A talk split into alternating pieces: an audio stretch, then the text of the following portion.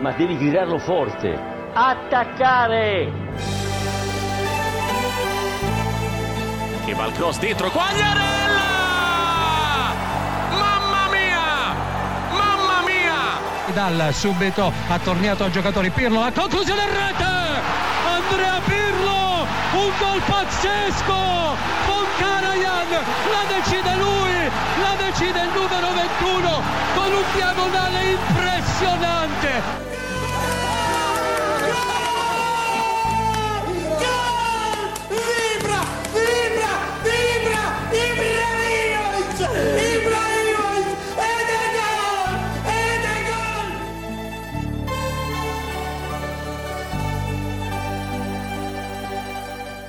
Ja, het is eh, nog steeds dinsdag, maar eh, deze aflevering komt eh, vrijdagochtend online. Het is de tweede Lo Stadio special van dit seizoen. De eerste was met de Udinese-verdediger Bram Nuitink. Inmiddels weer fit, speelt weer. En dit keer met iemand die ja, hopelijk net zo fit is als Bram Nuitink. Johan van der Ploeg, oud-Italië-correspondent. Daar vier jaar gezeten voor de Volkskrant. En eh, ja, vandaag aanwezig in Amsterdam, want hij is welkom. terug in Nederland. Welkom. Dank voor de uitnodiging, leuk. Leuk dat je er bent. Al gewend aan Nederland? Eh, nog niet echt, ik stond net op het, eh, op het pontje hier naartoe. Het is toch wel echt heel erg koud, eh, dus ik ben, ik ben nog een beetje in de, in, de, in de overgangsfase eerlijk gezegd. En sinds wanneer ben je weer terug? Eh, ik ben nu vijf weken terug als ik me niet vergis. Nou, je hebt niet, eh, niet het beste seizoen gekozen om terug te keren. Want sindsdien is het eigenlijk alleen maar kouder en kouder en kouder geworden. Ja, ik dacht ik moet gewoon op het dieptepunt instappen, op het allerguurste moment van de herfst. En dan kan het vanaf nu alleen nog maar beter worden. Zeker, En dan, ja. eh, Echt, Wordt het alleen maar gezelliger, warmer en dan heb je kerst tenminste weer in Nederland. precies, precies. En, eh, en dan wel lekker op een of andere manier om, om terug te zijn of, of wel echt een, een naar gevoel om, om weer in Nederland te zijn. Nou, het is een beetje dubbel. Ik, kijk, de, de, grote voordelen van terug zijn in Nederland, die vallen een beetje weg. Want dat is weer afspreken met je, met je vrienden, met je familie op bezoek gaan, eh, je collega's zien op je werk. Dat, dat kan nu allemaal niet. Dus ik zit eigenlijk net zoals in Italië, zit ik gewoon ja, thuis in- in- aan mijn keuken te werken. Eh, alleen het uitzicht is iets, iets anders, iets minder mooi, eerlijk gezegd. maar eh, nou ja, goed, dat wordt allemaal wel beter. En ik moet heel eerlijk zeggen, ik ben wel blij dat ik nu niet in Italië zit, heel eerlijk gezegd. Want wat ik van vrienden hoor nu en, eh, en, en, eh, en, en collega's daar nog eh, die, ik- die, die ik uit Rome ken, nu, nu is het wel weer echt vervelend in Italië. Het is weer zoals het, eh, de stemming is weer een beetje zoals het in maart, april was qua somberheid. En qua lockdown ook, dat je echt binnen moet blijven. Het is iets minder heftig, maar het is bijvoorbeeld wel straks met, met kerst en oud en nieuw is er volgens mij een avondklok van eh, zes uur. Je mag niet meer tussen eh, verschillende steden reizen. Eh, nou ja, eh, in Italië, jullie weten dat wel, kerst is, is onwijs belangrijk en dat wil je met je familie doorbrengen. Dat kan gewoon niet. Mhm. Eh, dus dat, dat, ja, dat, dat drukt wel op het gemoed van veel Italianen. En ik weet nog in april en mei, toen we de hele tijd binnen zaten... Ja, dat, dat is niet per se een periode waar ik nu weer heel veel zin in heb. Dus wat dat betreft ben ik best wel blij om weer in Nederland te zijn. Omdat je hier...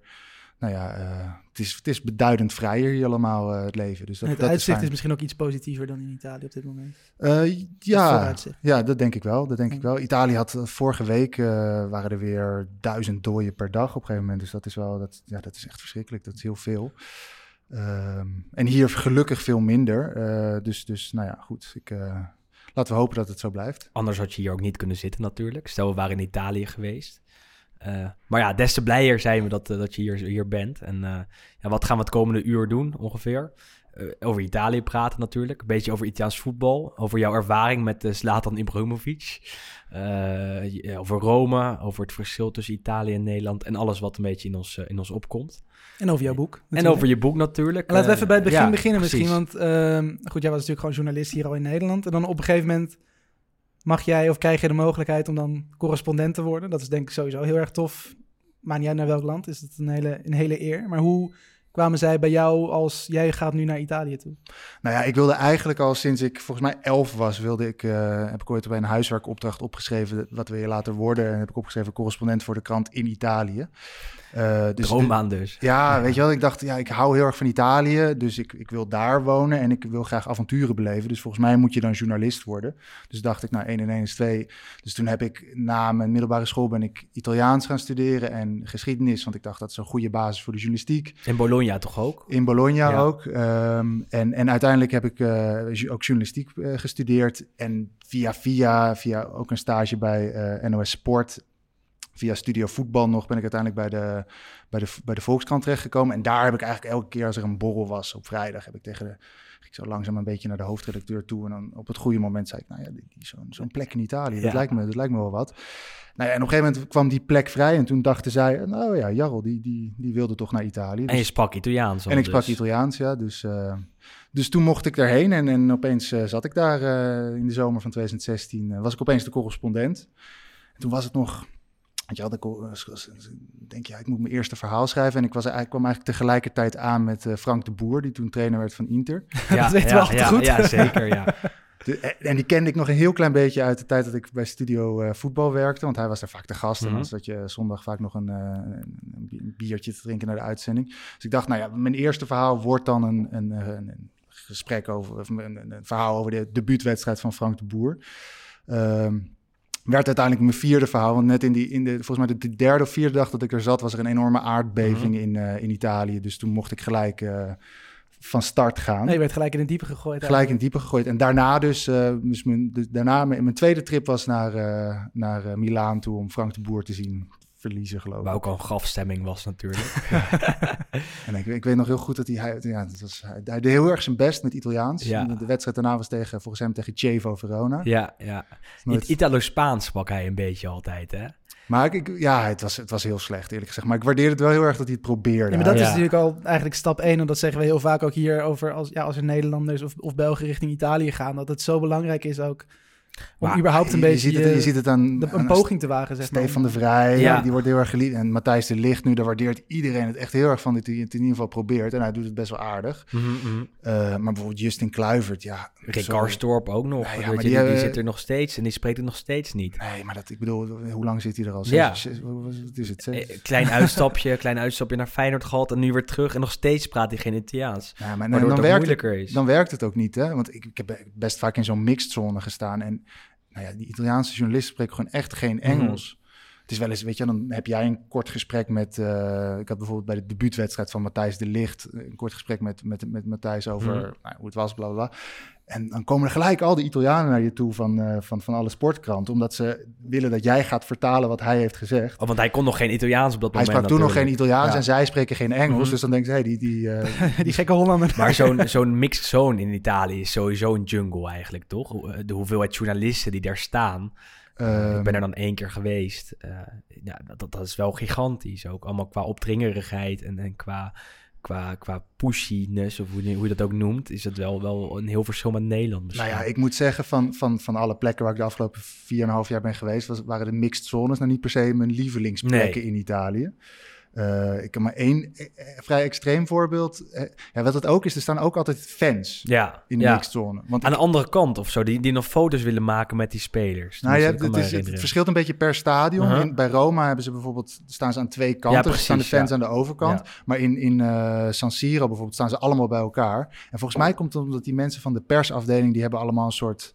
Ik weet niet precies wat, of, of ze er geld aan verdienen... of dat ze wat, wat, wat extra perskaarten verkopen aan... Wel wat- Italiaans, hè? Zou, Dus ja. het zou me niet heel Ja. erg verbazen. Maar er staan altijd, er staan altijd echt eh ja, 40 Chinese fans... staan daar in- op, op handtekeningenjacht. Ja, En ik weet vooral, de, de, dat was de, volgens mij de debuutwedstrijd van Ronaldo... of zijn tweede pot. in Verona was dat, of niet? Nee, ja, daar was ik niet bij. Ik was zijn eerste, zijn eerste wedstrijd in, eh, in Turijn. Oké, ja, ja, ja.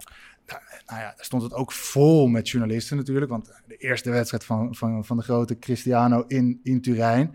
Ehm, en, eh, en er stonden ook heel veel fans. En ik weet nog, eh, nou ja, het, was, het was al best wel druk. En weet je wel, als je fan bent, is dat, is, is dat best wel spannend. Weet je wel? Mhm. Want dan komt Matthijs de Ligt, eh, of nee, die was er toen nog niet. Maar eh, eh, hoe heet die, die, die Franse middenvelder van... eh, Rabio ja. of, of Matuidi. Of, Ja, Matuidi. Die was net Mhm. wereldkampioen. Ja, en, precies, En, eh, ja, je hebt ja. Chiellini, Ja, liepen weet je wel, Ja. echt grote sterren. Buffon, eh, ik weet niet of hij er toen ook was. Maar goed, echt wereldsterren. En, maar, maar, maar dan is er wel een beetje enthousiasme. En iemand vraagt, mag ik een handtekening? Maar op een gegeven moment valt het helemaal stil. Voor iedereen, er- dat zijn echt, dat zijn, weet ik veel, er staan misschien 40 mensen, helemaal stil. Ook alle journalisten. En dan lopen er een paar beveiligers langs. En dan opeens verschijnt Cristiano Ronaldo in beeld.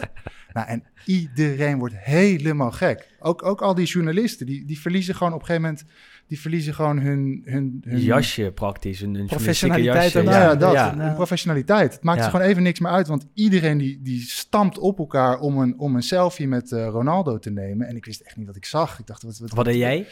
Nou ja, ik, ik had niet per se behoefte aan een selfie met Ronaldo. Ehm, dus ja, ik, stond, ik, ik- nou, ja, ik, ik deed in principe niks. Ik stond er vrij vooraan, maar ik werd door al het geduw werd ik vanzelf naar achter eh, gedreven. Ehm, nou en, en ook daarna, want in, in, eh, in, in Turijn is er vergelijk naar de mixed zone, is er een trap omhoog en dan lopen ze naar de bussen. En daar bij die trap, dat is een beetje dat, dat vreemde, Mhm. vreemde gebied waar zowel journalisten als fans staan. En ik weet, er stond daar ook een klein meisje, geloof ik. Die wilde ook een handtekening van Ronaldo. En die werd gewoon letterlijk. op- ja, die, die viel gewoon op de grond. Omdat Ja. iedereen eh, een handtekening van Ronaldo wilde. Dus ik dacht echt, wat is dit voor, voor, totale, voor totale gekte? Ik, ik- en ik, hou- ja, dus ik, daarom hou ik ook niet zo heel erg van die mixed zones. En ook, weet je wel, die, die, die spelers die mogen ook niet zo heel veel zeggen in Italië. Ik weet niet, ik, in Nederland heb ik iets minder ervaring met mixed in zones. Nederland maar- is het sowieso veel georganiseerder ook. Want Nou, en je krijgt zeker bij. Ajax. Ik ben natuurlijk vooral vorig jaar heel regelmatig bij Ajax geweest. Maar daar sta je maximaal met tien mensen. Nou ja, en, nee. en dan inderdaad een paar schrijvende pers er Mhm. nog bij. Maar het gaat er zo georganiseerd. Je weet precies wanneer je wie te spreken krijgt. En die gasten, die, die spelers, er staan geen fans.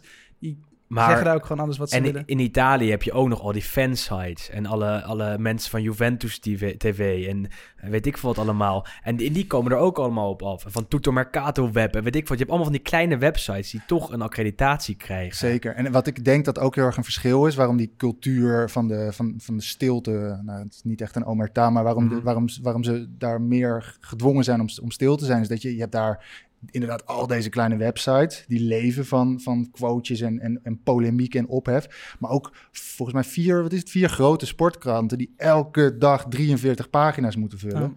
Nou ja, ik weet niet of je wel eens een... jullie lezen Mhm. natuurlijk wel eh, La Gazzetta, maar Mhm. dan heb je een wedstrijd en dan heb je eerst twee pagina's wedstrijdverslag en dan staat er ook bijvoorbeeld nog een heel, heel stuk van 500 woorden over de gele kaart die in de 14e Ja, minuut werd ja, gegeven. Dus die, die- al die journalisten die weten gewoon van gekkigheid niet meer hoe ze hun kranten moeten vullen. Dus alles wat, zo, wat zo'n speler zegt, dat wordt extreem uitvergro- uitvergroot en er wordt een hele, hele rel om gecreëerd. Dus heel veel clubs die, denk, die, die hebben ook wel een beetje de terechte eh, instelling dat ze denken, nou weet je wat, spreek maar gewoon niet met de pers, want dat, dat scheelt ons eh, best, veel, best veel gezeur. Maar ja, het gevolg is wel, ik- ja, misschien, misschien heeft dat met mijn eigen ego te maken, maar ik was bijvoorbeeld voordat de laatste wedstrijd voordat corona uitbrak, was ik eh, bij Roma Juventus vorig seizoen nog. Mhm. Nou ja, weet je wel, ik dacht dat is nog wel een leuke invalshoek om daarover te schrijven, omdat eh eh, Kluivert tegen de licht speelt. En ik weet niet meer, er was iets met Oranje toen volgens mij dat ze allebei kans maakten op Oranje. Ik, ik weet niet meer precies wat het Mhm, verhaal was. Maar ja, dan sta ik daar en heb je de hele dag daar gezeten. En dan denk je, oké, weet je wel, ik ben, ik ben 33 en die gasten zijn, eh, die zijn, die zijn 19 en, en eh, ik weet niet hoe oud Klu- Kluivert is. Zoiets, Natuurlijk, ze kunnen supergoed voetballen. Ze hebben een extreem talent en dat soort dingen. Maar ja, kom op, we zijn allebei Nederlandse jongens. We Mhm. wonen allebei in Italië. Dus Precies, ja. We kunnen prima met elkaar praten, toch? Er spreekt er één Italiaans, de ander niet. Dus dat is zo'n verschil. En dan sta je daar te wachten, een half uur in die mixed zone. En al die journalisten om je heen die helemaal gek worden. het, Als, er weer, eh, als Ronaldo weer langslopen. En dan moet je allemaal eh, op wachten. En, en dan zeg je tegen Matthijs de Licht van... Hey, Matthijs, mag ik je wat vragen stellen? Ja, nee, sorry, ik mag niet praten van de club. Dan denk je, ja, goed, nou, ik Ja. van Ja, ja. porca puttana. Ja, ja, ja, ja, ja. Weet je, als Waarvoor sta ik waar, hier dan? Waarvoor sta ik hier? Wat Ja. doe ik hier eigenlijk? Dus Ja. dat is niet per se het werk wat ik, wat ik dan heel erg leuk vind. Ehm, dus een heel lang antwoord op je vraag over mixed zones. Ja, nee, dit, maar- zorgen. We hebben alle tijd, gelukkig. Nee, Dus, dus dat, dat is niet. eh, daarvoor ga ik niet naar Italiaans voetbal. Om, om, eh, Waarvoor vervolgens- wel? Om de interviews te doen. hè. Als je, als je dan toch in zo'n mixed zone staat en eh, je hebt dan toch de wedstrijd gezien en je weet eigenlijk van tevoren, dus je, gaat je gaat wel naar, eh, naar de openingswedstrijd van, van de Cristiano Ronaldo bij Juventus, maar dan weet je eigenlijk van tevoren al dat er een gekhuis eh eh, los gaat barsten. Wat is dan de reden om er toch naartoe te gaan? Nou ja, die wedstrijd, er zit natuurlijk superveel verhaal aan. En, en eh, gewoon de, de hele dynamiek in het stadion. En je spreekt met fans en hoe zij zich voelen dat de grootste wereldster van het moment. Eh op Messi na misschien eh, Mhm. bij hun club komt spelen. Weet je, dat, da- daar kan je natuurlijk, dat is, dat, daar, daar druipt de romantiek vanaf. Dus daar kan je echt wel een leuk stuk over schrijven. En vervolgens de adel verplicht mij dan om nog eventjes te kijken of je misschien met Ronaldo kan praten. Ook al weet je dat het niet gaat gebeuren. Ehm, Nou goed, dus je doet meer voor de sfeer en voor de verhalen rondom de wedstrijd... en misschien van de supporters... en echt om die spelers te interviewen na afloop. Ja, ik, ik denk dat, dat, dat het gros van de voetbalfans niet per se voetbalfans is, omdat die spelers nou allemaal hele diepe dingen te zeggen hebben. Vooral Maar- in, in Italië, denk ik. Want, Ja. want daar zijn er meer verhalen dan, dan waar dan ook misschien wel rondom het voetbal. Eh, dus ja, zeker, zeker. Maar ik, vroeg- dat vroeg me nog af in jullie geval, want jullie houden heel erg van Italiaans voetbal. Maar heeft dat nou puur met het spel te maken of, of ook met de sfeer eromheen? Vooral, en de- voor mij inderdaad echt meer de cultuur en natuurlijk ook gewoon het feit dat... Weet je, wij zijn hier allebei, ieder jaar komen meerdere keren komen in Italië. En je, je, je kent gewoon ook de sfeer en de passie die die mensen hebben. Weet je, het, het, het, het, het Fantacalcio eh, en inderdaad alle verhalen. En dat je op iedere hoek van de straat kun je kaartjes kopen. En maakt niet uit of je het nou vraagt aan een meisje van zes of aan een oma van 84. Iedereen is fan van een voetbalploeg. Het klinkt heel clichématig, maar, Ja, het, is, het is het echt is zo. echt zo. Het is Ja, echt zo. echt dat is gewoon... Die hele cultuur is gewoon volledig anders ingesteld. En ook de ja, malaise als een ploeg verliest... of een ploeg degradeert of een ploeg failliet raakt... En het pure geluk als iemand kampioen wordt. Ja, dat, dat is denk ik gewoon het mooiste En- wat er is in het spel. Ja, Het wordt zoveel meer geleefd dan, dan in Nederland. En dat maakt het heel erg mooi. Want in de aanloop naar zo'n speelweekend, ook al staan er afgelopen weekend geen enkele eh interessante, staat er geen enkel interessant duel op het programma. Toch lees je er veel over. Toch hoor je weer dat er bij Bologna mogelijk een mol is. Toch zie je weer dat er bij Inter druk op staat en weet ik wat allemaal. En, en dat is in Italië veel heviger dan in Nederland. En dat Maar- wat vind ik heel mooi. En de passie. En, en dat, dat als je in het stadion zit, en, en nou, ik ben dan fan van Inter, West van Juve, dat op het moment dat, dat jouw team scoort, dat er echt een, een vreugde-explosie is. Eh, en en dat, dat is iets wat, wat zoveel meer losmaakt dan hier in Nederland. Als ik hier in het stadion zit, dan juich je wel, maar dan is het een applaus. Als je daar eh, eh, Lukaku ziet scoren tegen Milan als Interista, dan, dan weet je niet wat je meemaakt. Er staan mensen op stoelen, je wordt omhelst van drie rijen achter je. En, en, en dat vind ik, vind ik het schitterende. Dat als je er naartoe gaat, dat je weet op het moment dat ze scoren, dan, dan is er een, een soort, soort eh, gedeeld orgasme bijna, weet je wel. En dat, dat maakt het zo mooi. Maar, maar hebben jullie, ik, ik herken het helemaal Mhm. hoor, maar hebben jullie daarom juist dit jaar niet best veel moeite met Italiaans Ja, voetbal? Omdat er eigenlijk gewoon dat hele, eh, hetgeen waardoor wij en heel veel andere, heel veel luisteraars waarschijnlijk ook Mhm. van Italiaans voetbal houden, dat, dat is dit seizoen en eigenlijk het hele kalenderjaar afwezig. Dus ik merk aan mezelf, ja, ik, sorry, maar ik heb ik, eh, het afgelopen Terecht. weekend, het lukt me echt niet. Nee, terecht. Buiten het feit dat die wedstrijden natuurlijk ook niet heel spannend waren afgelopen weekend. Maar het lukt me gewoon niet meer om, om er echt met volle aandacht naar te Nee, want, kijken. want alles wat het mooi maakt, zijn die supporters. En is dat oude mannetje dat die, die 80 is en toch naar het stadion gaat. eh, en, en, en toch op zijn stoel staat als zijn team scoort. En dat valt allemaal weg. Eh, en dan blijft er voor mij denk ik nog, nog 60% over. Eh, dat je toch een trainer nog, nog zonder publieksluit langs de lijn hoort eh, schreeuwen. En, en, en er zijn toch nog wat verhalen Ja, omheen. maar dat is het denk ik vooral. Het, het verandert gewoon een beetje de hele situatie Ja. eromheen. Want je hoort nu inderdaad veel meer de, de spelers die, en, en de trainers en de scheidsrechters die, die iets zeggen. En dat valt nu veel meer op. Alleen je mist juist natuurlijk die interactie met de fans, die natuurlijk ook zo mooi is. Of als Ronaldo inderdaad in de laatste minuut scoort en dan doet hij, zie dat het hele stadion meedoet. En dat, dat zijn Zelfs die je- Siro ook. Maar dat, waar dat, dan dat ook. zijn natuurlijk dingen die je nu wel mist. Alleen je, goed, je krijgt er wel iets voor terug. Alleen het is natuurlijk altijd minder. Dus het is inderdaad hopen dat het zo snel mogelijk weer gewoon... eh, En, en, er, richting oud en er gaat. is zicht op beter. Dus je weet dat er op een gegeven moment, en hoe lang dat ook mag gaan duren, dat het weer terugkeert. En eh, nou, dit is dan een soort overbruggingsperiode. En dan hou je het wel in de gaten. En je kijkt wel alles, want je hebt toch een favoriet team. En nou, wij maken er ook een podcast elke dinsdag over. Wij Dus we moeten wel. wel, ja, ja, ja. Ehm, maar, maar je hebt wel gelijk, want, want afgelopen zondag, eh, we hebben het ook in de podcast van dinsdag erover gehad, dat zitten we allebei naar Roma Sassuolo te kijken. En dat is dan voetbaltechnisch, kan het interessant worden. En normaal heb je dan nog het publiek eromheen. En, nu was het ook voetballend eh, gezien heel saai. Ja, dat, dan valt het echt allemaal weg. En, en het wordt al snel een vier. En dat Ja. was daarvoor veel minder zo, denk ik.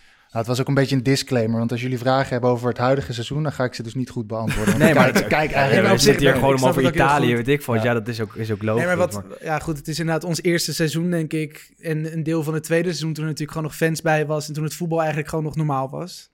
Ik denk dat het toen veel meer, dat wij ook veel meer uitkeken naar wedstrijden en, en naar speelrondes. Dan dat we dan nu eigenlijk dit seizoen en de laatste paar weken natuurlijk van het vorige seizoen hebben. Vooral naar de belangrijke potten. Als jij toch weer een, een, een derby ziet en, en eh, tussen wie het eh, dan ook is, bijvoorbeeld Juve Torino, nou, dan is het ook leuk als je eh, Torino ziet scoren en het uitvak ziet ontploffen. En, en de speler op de, op de boarding gaat staan om samen te juichen. En ja, dat valt allemaal weg. En Eh, dus wat dat betreft heb je 100% gelijk. Dat, dat, dat, dat het, juist het vleugje dat het Italiaanse voetbal zo mooi maakt, eh, ja, dat het deels weg is. Alleen dan nog heb je wel inderdaad die Gazzetta dello Sport... die er elke week of elke dag bijna zoveel pagina's aan wijt... en die elk verhaal tot, tot, tot de bodem eh, uitzoekt en weet ik veel wat.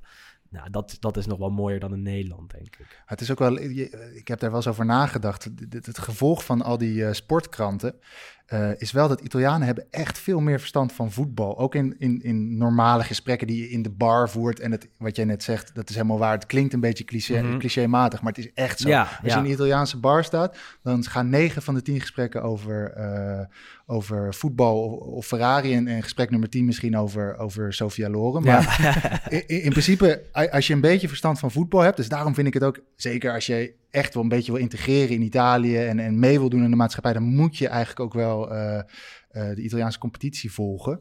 Ehm, of in ieder geval alle verhalen eromheen. Maar, maar die, omdat die sportkranten zoveel schrijven, worden die gesprekken best wel op niveau gevoerd. Ja. Dus, dus, dus, tactisch gaat het ook veel dieper dan ja, weet, je mensen kunnen gewoon... de, de oude manneke in het bar, die heeft gewoon verstand van de looplijnen eh, van het 4-3-3 systeem als het in- ten opzichte van eh 4-4-2, weet ik veel. Weet je, dus omdat ze dat allemaal in de krant En lezen. dat Ik vind maakt het ook leuk, want, want ik, ik heb een tijdje Italiaans tv gehad, illegaal. Ehm, en dan, dan zie je ook in zo'n talkshow dat er op een heel ander niveau wordt gepraat dan in Nederland als je naar Studio Voetbal kijkt. Zeker. Ehm, er wordt echt, er wordt echt diep ges- gesproken over Bologna of iets dergelijks. En dat heb je in Nederland gewoon een stuk minder. En goed, het helpt natuurlijk Ja. ook wel dat in Italië natuurlijk sowieso... Ja, het is een grotere competitie, beter land Mhm. historisch gezien.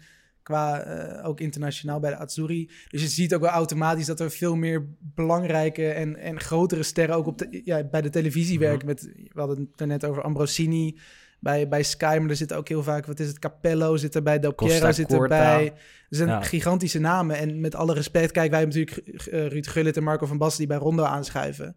Maar dat zijn ook wel echt de grote namen, zeg maar. En dat is dan wel beter dan met ja, een Theo Jansen of een, of een Johan Derks. Die is natuurlijk in Italië een stuk... Ik denk dat, dat, wij, dat wij in Nederland veel over Italiaans voetbal weten. Maar als wij in Italië zouden gaan wonen, dat het heel erg tegenvalt. Ik denk dat wij dan niet, niet eh, en, eh, bovenmatig veel over Italiaans voetbal weten. En dat, dat is best wel... eh, dat maakt het ook mooi, denk ik. Ja, nou, dat ik is- denk dat dat jullie jezelf wel wel een beetje over... op, eh, ja, ja, dat dus ik weet het niet. hoor, Maar, dat, ja, dus daar kan je met, met... We hebben wel eens eh Michele Santoni als, als gast gehad. Dat was de assistent-trainer bij ADO. Nou ja, dat is een van de leukste podcasts die, we, die we hebben gehad. Omdat het voetbal inhou- of, op voetbalgebied, zeg maar. Want voetbal inhoudelijk kan je dan zo diep gaan. En niet alleen omdat hij trainer is, maar ook omdat hij, eh, omdat hij alles kan vertellen over Sassuolo of over Chievo of iets dergelijks. En ja, dat maakt het heel interessant, denk ik. We hebben wel heel veel, heel veel zijpaden Ja, genomen. ja, ja. Mijn Laten schuld we even teruggaan Sorry. op het journalistieke. Want goed, waar kwam überhaupt jouw eerste liefde voor Italië? Want jij zei op, op 11-jarige leeftijd schreef jou, in, schreef jou op dat dit jouw droombaan was. Zijn weinig kinderen die überhaupt op dat moment al weten wat ze willen doen? Want waar kwam die Ehm, Italiaanse voorliefde van? Nou, mijn ouders hebben in Italië gewerkt. Dus toen ik baby was, eh, ja, woonde ik al een jaar in Italië. Daar weet ik natuurlijk niks van. Maar het gevolg is wel dat we heel veel vrienden daarin over hebben gehouden. Dat we elk jaar op bezoek gingen naar Italië. Journalistieke familie heb je ook. zo. Nee, nee, mijn, mijn ouders werken, eh, werkten voor de universiteit. Oké, ja, Eh, ja. Dus die, die de- deden daar eh, Mhm. onderzoekswerk. Ehm, maar, maar weet je, we gingen elke zomer wel naar Umbria of Toscane... of naar vrienden met huis aan zee of, of juist in de heuvels. En, en nou ja, op een gegeven moment, als je als, je als kind in, van, die, van die vormende jaren... op je zesde of je achtste, als je dan de hele tijd Italiaans hoort... en je kijkt Italiaanse tv en je koopt je eerste voetbalshirtje op, eh, op Piazza Navona in, in Rome... Ja, op een gegeven moment gaat het dan mis in je, in je hoofd... en dan Ja. krijg je gewoon een behoefte om ja, dan krijg, dan krijg je een soort liefde voor Italië die, die eigenlijk nooit meer echt weggaat. Eh, nou ja, goed. En als je er vervolgens ook nog professioneel erin gaat verdiepen, dan merk je dat het ook gewoon op zoveel vlakken een super interessant land is. Ehm, nou ja, op een gegeven moment, op een gegeven moment eh, was het duidelijk, ik, moet, ik, ik wil daar gewoon heen. Ik wil daar een periode in mijn leven wonen. En ik ben heel blij dat dat, eh, dat, dat gelukt is. Want, want daarvoor, eh, die tijd in Bologna, daar, en, en tussen je tijd als correspondent zit nog, zitten nog wel een aantal jaren. Hè? Ja, ik heb dus in, in 2009 en 2010 heb ik in Bologna gestudeerd. Ik heb ook nog het, eh, de, onze verloren WK-finale gekeken. Mhm. Toen heb ik nog eh, oh ja. heel aanstellerig eh, in mijn oranje shirt. uh, s'nachts door de straten lopen huilen. Ja, is denk ik de die reden. straten ken ik wel. Ja. Ja, dat, ja, ja, ja. Eh, en, eh, maar goed, en toen dus weer teruggekomen. En toen een beetje begonnen in de journalistiek. Dus wat ik net zei, ik heb eh, bij, bij, Studio Voetbal Mhm. gewerkt. Bij Parool een beetje aangemodderd. Toen bij de Volkskrant terechtgekomen. En dan nou, moet je een beetje kilometers maken voordat je, voordat je kans maakt om, om correspondent te worden. Ehm, en dan was ik alsnog best wel jong dat ze me die kans gaven. Want volgens mij was ik 28 of zo, Mhm. of 27, ik weet niet meer. eh, toen ik uiteindelijk naar Italië ging. En dus dat was in 2016. Dus het is uiteindelijk allemaal best wel snel gegaan, gelukkig. Ehm, maar ehm, ja, dus, dus ik heb al wel meerdere periodes in mijn leven in Italië gewoond. En, en toen er nu dus eh, vier jaar gezeten. Eh, je zei net dat je toen jong was verliefd bent geraakt op Italië. We hebben ook wel eens mensen gesproken die, die naar Italië zijn gegaan, die daar woonden, minder verliefd zijn geworden op het land, omdat er toch redelijk wat problemen zijn. Redelijk wat eh, dingen die telkens terugkeren. Eh, herken je je daar wel een beetje in? Of, of is het bij jou niet echt minder geworden door eh, de jaren heen? Nou, de verliefdheid is wel een beetje voorbij, maar het, het- laten we zeggen dat het houden van is geworden. Eh, nee, ik heb wel eens volgens mij opgeschreven in een kolompje van de- de Italië is een beetje alsof het, zoals het meisje waar je, waar je al jaren heimelijk verliefd op was. En als je er eindelijk mag kussen, blijkt dat ze gigantisch uit de bakkers blijkt. Ja, ja, ja, ja. ja. Nou, Ja, Van buitenaf lijkt het misschien allemaal net iets rooskleuriger dan als je er echt daadwerkelijk constant in of bij zit. En het is nog steeds een superland. En weet je, ik, ik blijf er mijn hele leven terugkomen, dat weet ik zeker. Maar het is, op, het is ook, zeg maar, als je in Rome woont, is het, dat is ook heel erg frustrerend. Want er, ja goed, jullie kennen die verhalen ongetwijfeld allemaal, maar er is zoveel vuilnis op straat. En de werkloosheid is verschrikkelijk. Er zijn gewoon mensen van, van, van jullie leeftijd, van mijn leeftijd, die gaan allemaal weg uit Italië. Want die, die, die- is gewoon helemaal geen werk te vinden. Eh, de, de, de wegen zitten vol met gaten. Nou ja, en, nu ook, het afgelopen jaar. eh, ja, dit, dit wordt, dit is een beetje verdrietig, eh, de, de, de- stemming in het land, omdat er zoveel eh, bedrijven failliet gaan, omdat ze echt geen geld meer hebben na deze crisis. En nou, ik, ik, ja, dat, dat, eh, dit- dit- dit- het is een vrij uitzichtloos land. Er zit best wel een grote kloof tussen het Italië, wat, wat dat Nederlanders kennen als Mhm. toerist. Eh, omdat je dan ga je naar Amalfi en dan kom je in een eh, mooi eh, afgestoft hotel met een eh, strand wat het goed doet op Instagram. En het Italië, wat, wat, wat daar eigenlijk buiten het toerisme, toeristisch seizoen is. eh, wat, en wat een stuk minder gelikt is. En wat, wat soms zelfs gewoon echt lelijk is of gevaarlijk en, eh, en, en stinkend. Ehm, nou ja, en als je daar woont, is dat natuurlijk wel, eh, wel heftig. En moet ik zeggen, kijk, als journalist, dat is natuurlijk een beetje het gekke van, van dat vak, dat je juist ook, ja, die nare kanten, die zoek je ook de hele tijd op. Dus dat zijn ook dingen waar je, die, die, ja goed, die zijn eigenlijk wel interessant, omdat daar kun je verhalen over schrijven. Dus als er eh, een gebied is boven Napels waar, waar de maffia al, al decennia lang eh, illegaal afval stort. Ja, dat is natuurlijk waar, waar door het grondwater vervuild is en, en allemaal kinderen kanker krijgen en de mozzarella allemaal eh, gifstoffen bevat. Dat is natuurlijk verschrikkelijk voor iedereen die daar woont. Mhm. En, het, en dat verandert je, je beeld van, van, van die mooie regio Campanië fundamenteel. Maar als journalist is het ook wel weer interessant, want je gaat daarheen en je gaat vragen hoe zit dat nou? En je Is gaat het mensen- gevaarlijk om daarheen te gaan? Eh, nou, ik, ik weet niet. Sowieso als toerist zijn er niet zo heel veel gevaren. Ja, Napels misschien. De, de campagne is misschien iets gevaarlijker, omdat daar de Camorra is, is, is, dit, dit is iets meer loszand geworden. Mhm. Dus er zijn soms wat, maar in- soms wat, wat, wat, wat, wat schietpartijen of Ja. zo. Maar het is niet per se heel, heel gevaarlijk. Als, ik bedoel, niemand heeft er belang bij om een toerist of een, of een westerse journalist eh, eh, dood te maken. Dus Mhm. dat is helemaal niet. Wel eens dat je merkt dat je ergens gewoon niet welkom bent. Maar als jij opschrijft dat de, de, de Camorra of de maffia vuil stort, wat, wat eh, kankerverwekkende stoffen eh, bevat. eh, nou, je schrijft het wel op en het komt wel in de krant in Nederland. Dat is wel iets wat het, wat het nieuws maakt hier dan. Eh, ik kan me voorstellen dat zij dan denken, nou, dit willen we niet. Eh, Al die mafio's die zo goed Nederlands spreken. Nee, dat niet. Maar ja, je, kan je voorstellen, er is wel aandacht voor. En, en eh, ook al is het in Nederland, ja, het is wel iets wat, wat het nieuws eh, bereikt. Eh, door jou eigenlijk. Ja, maar ik denk dat in dit geval dat lokale journalisten, dat, dat vooral zij eh, gevaar lopen. Omdat, ja, god, een, een krant in Nederland, dat, dat is zo Nee, ver van, van je bed Ver ook voor, eh, voor mafiosi. Ja, dat, dat, Dat boeit, het boeit ze gewoon boeit niet ze in gewoon principe. niet, nee. Wat de En maar goed, journalistiek zegt. gezien heb jij natuurlijk best wel een paar goede jaren, hoe cru het misschien ook klinkt, achter de politiek veel, veel veranderd. Toch spanningen. Salvini heb je gehad nu de coronacrisis. Je hebt best wel veel toch wel een vrij historische moment eigenlijk meegemaakt. Nee, zeker. Ik bedoel, je zou kunnen zeggen, kijk, eh, Italië, ehm, de, de, de, de grootste crisis van onze tijd in Europa, dat zijn er misschien drie, namelijk eh, de financiële crisis, de migratiecrisis en nu de coronacrisis. En al die drie die crisis, die hebben Italië en misschien ook Griekenland, maar vooral Italië uitgekozen als het hoofdpodium. Dus als je daar weer op de eerste rij mag zitten en dan ook nog eens, inderdaad wat je zegt, Salvini, de eerste eh, rechtspopulistische regering van West-Europa. Uh, als je dat kan verslaan. En dan ook nog een grote aardbeving en, en een brug die instort bij Ja, Genua. ja, ja. En eh, eh, Cristiano Ronaldo die naartoe aankomt. Nee, ik bedoel maar... Allemaal negatieve dingen. Precies.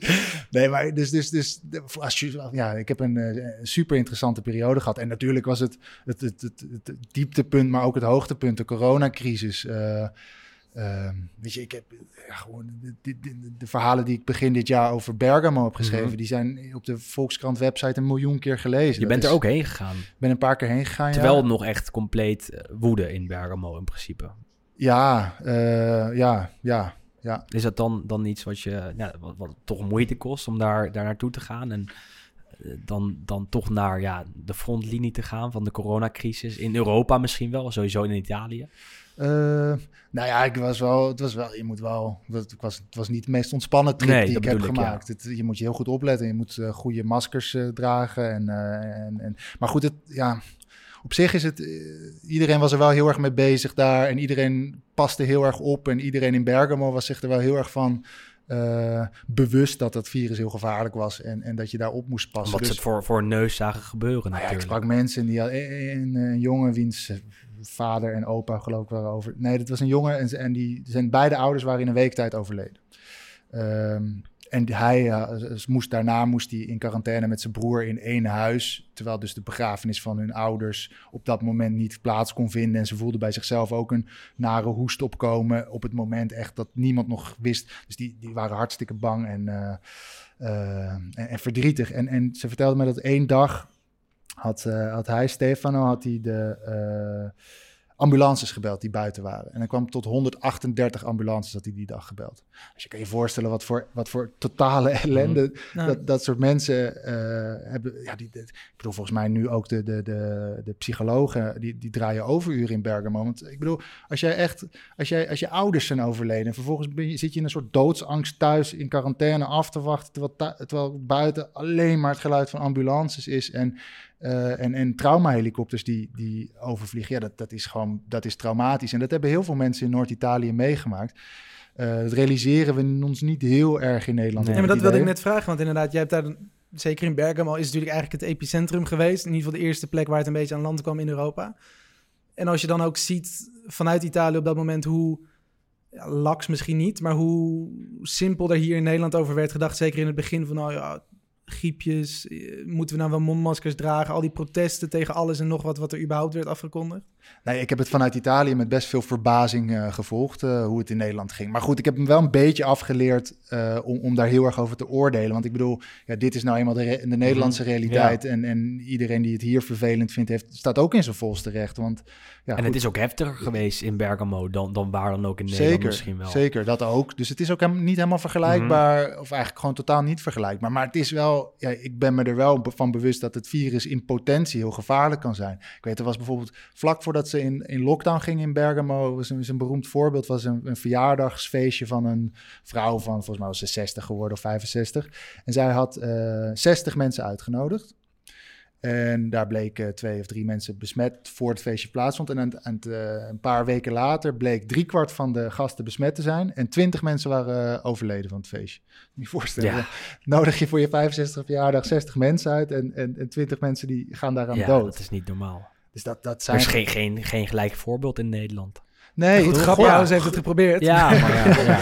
Nee, maar gelukkig niet. Maar, maar voor mij zijn dat dan... Ja. Kijk, ik denk wel vaak aan dat soort voorbeelden terug... als er dan eh, weer een persconferentie van Rutte is... en hij zegt, nou jongens, laten we nou gewoon met kerst... met z'n vier of z'n zessen, maximum, ik weet niet wat hij wat hij gaat zeggen... maar eh, samen zijn en laten we er een beetje op letten. Dan, dan komt er een enorme stroom, stroom van kritiek op gang... en die snap ik heel goed. Maar ik denk ook altijd van, jongens...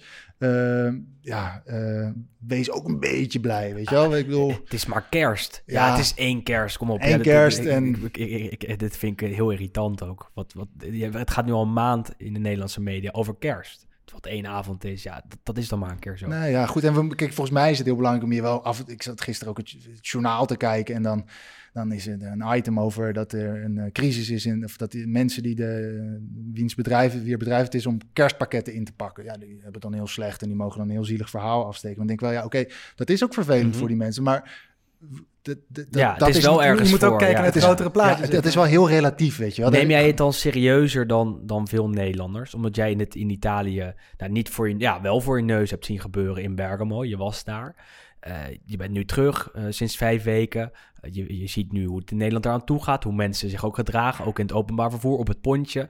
Neem je het dan serieuzer dan, dan de gemiddelde Nederlander, denk je? Ehm, misschien wel, ja. Misschien wel. Ik moet zeggen, het vertekent heel erg. Want hier in Amsterdam is het weer heel anders dan waar mijn ouders wonen in Wageningen. Daar letten mensen weer veel meer op. eh, terwijl in eh, Almelo is het weer veel minder. Dus Ja. het, is, het is best wel regionaal allemaal. Eh, maar ik behoor wel tot de mensen die altijd iets beter opletten dan anderen, heb ik het idee. Elleboog in plaats van een box. Ja, bijvoorbeeld dat Ja, soort dingen, ja. weet je wel. Eh, Maar, maar goed, het is... eh, misschien is het overdreven, hoor. Maar, want, ja, het is voor jezelf. Ja, Precies. niet eens alleen voor jezelf, maar wel hoe je jezelf ernaar gedraagt. En goed, weet je, ik ben pas net terug, dus misschien als je me over vijf weken spreekt, dan is het alweer heel anders. Ben ik weer veel meer gewend aan de Nederlandse manier van Dan ben je al doen. Amsterdams Precies, weer. Ja, ja. Eh, maar goed, je bent nu terug. Eh, als je dan, eh, nu hebben we het even over bepaalde momenten in nou ja, de afgelopen vier jaar. Wat is dan het, het, mooiste, misschien bij het mooie beginnen, de, mooiste reportage die je hebt gemaakt? Of het mooiste moment dat je daar hebt beleefd? Voetbal of niet voetbal? Ah, wat jij wil, of allebei. Ehm, Misschien leuk om een keer niet over voetbal Nee, te ja, praten. het kan allebei. Ja, we zijn een voetbalpodcast, maar mensen luisteren ook naar ons voor Italië natuurlijk. wat, wat ik heel leuk vond, was een reportage die heb ik in Milaan gemaakt. Dat, was, ehm, dat ging over Giovanni Cafaro. Dat was een, een man die was op zijn... Ik veel, dat was een, een kalende man van ergens in de 45 en die was ontslagen. Was manager bij een of, ander, een of andere zaadloze kledingwinkel en daar was hij ontslagen. En op een gegeven moment Ehm, dacht hij, ik moet weer solliciteren. En volgens mij had hij al 300 sollicitaties gestuurd. En je weet dat in Italië moet dat dan echt fysiek bij het postkantoor, anders komen die brieven niet aan. En dan stond hij daar altijd uren in de rij bij het postkantoor. En op een gegeven moment, in een van die rijen, kreeg hij opeens een Eureka-moment. Want hij zag om zich heen, zag hij allemaal puffende en, en zagrijnige mensen om zich heen staan. En toen dacht hij, weet je wat? Ik ga eh, professioneel in de rij staander worden. Dus toen is hij eh, een soort bedrijf begonnen. En ik weet niet, toen ik die reportage maakte, eh, toen waren er inmiddels al volgens mij al, al 500 mensen die zijn eh, voorbeeld hadden gevolgd. Ehm, dan, dan, dan, mensen die dus geen zin of tijd hebben om in de rij te staan.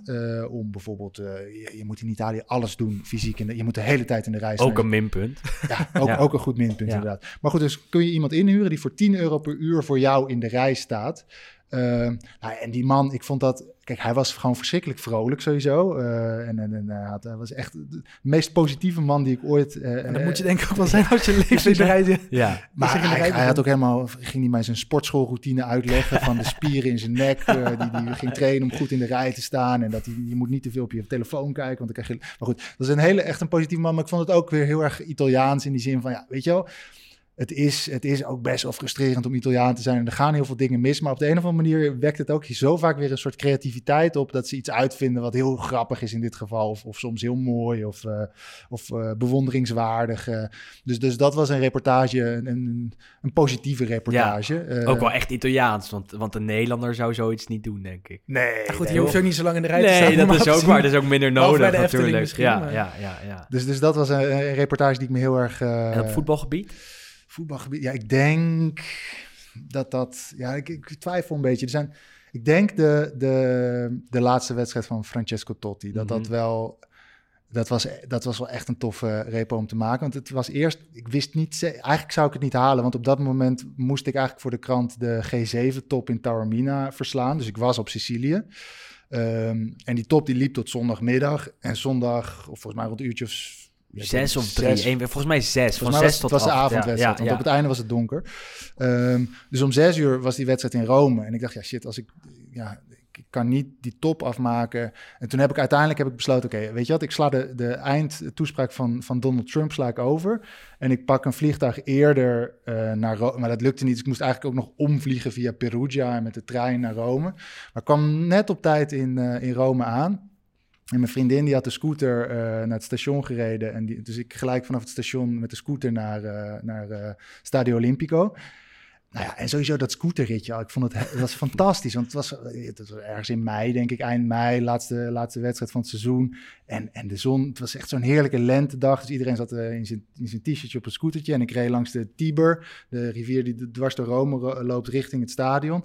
En vanuit elk steegje zag je dan eh, scootertjes aansluiten in de rij richting het stadion. Dus daar had je verliefde stelletjes of vaders met zoontjes of eh, vriendengroepen die met z'n vier op een scootertje of met, met, vier scootertjes eh, richting het stadion reden. En het grappige was, allemaal hadden ze het shirt van Totti aan.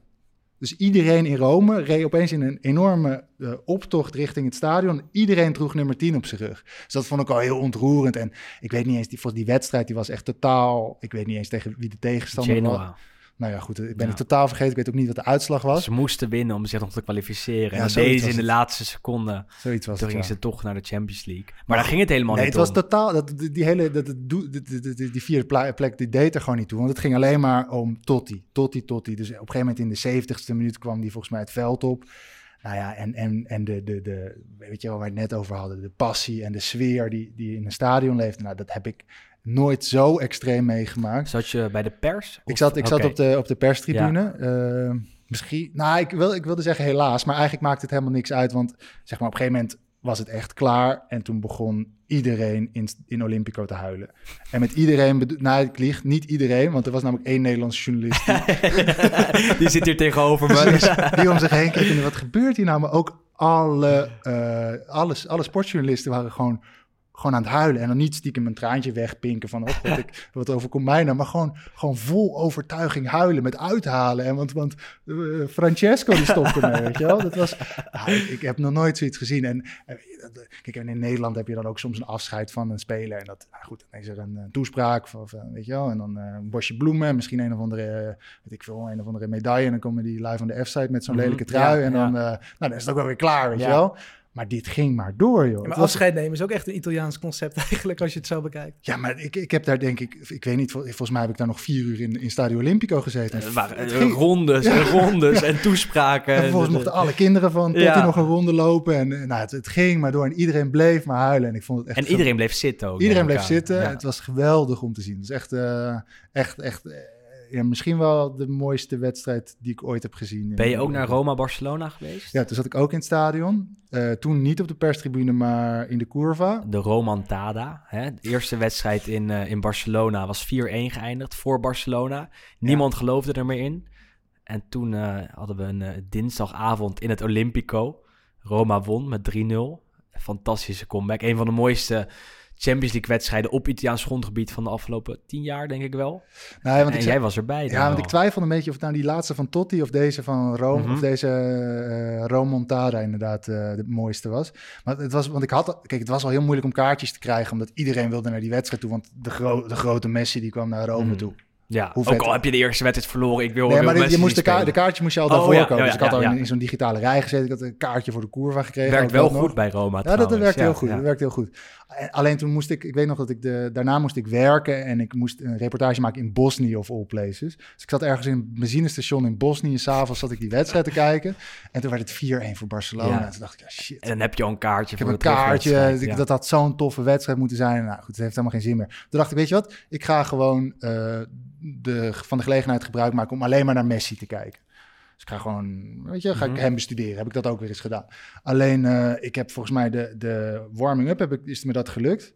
En sindsdien heb ik, ik heb hem volgens mij geen, een, geen eens, kan me geen seconde meer herinneren dat ik naar Messi heb gekeken. Want er werd vrij snel in die wedstrijd werd er gescoord. Penaltietje dacht ik zelfs, ja. En, Ja. en, en ja, ik, ik dacht gewoon, nou, nou, wa- wa- wat je net zei, het was een soort orgastisch Ja, gevoel ja, wat ja. vrijkwam. En wat zich niet één, maar twee keer herhaalde. ja. Nou ja, ook, weet je wel, ik heb gewoon, ik heb wild vreemden omhelst eh, de hele avond. Maar En- dat is mooi. En ook op de curva al helemaal natuurlijk. Want, want daar is iedereen ook echt het fanatieke... ja, maar het daar maakt in dit geval van- maakt het Nee. niet uit, want het was gewoon het hele stadion. Er was Bleef je ook- staan de hele wedstrijd. ja, hè? en volgens mij weet je wel, ook hier in de, in de arena is de lange zijde is een beetje saai, weet je wel. Maar de- ik heb daar volgens mij, dat die wedstrijd gold dat helemaal niet. Het was gewoon, het was alsof het één grote curva was, het hele stadion. Het was gewoon, ja, dat, en, en ook daarna weer, weet je, dan ging ik diezelfde route die ik net beschreef op de scooter terug naar huis langs de Tiber. Maar gewoon, het- de- ja, mensen sprongen in fonteinen en ik, ik, ik snap niet waarom ze ooit eh, boos waren op Feyenoorders. Want ik-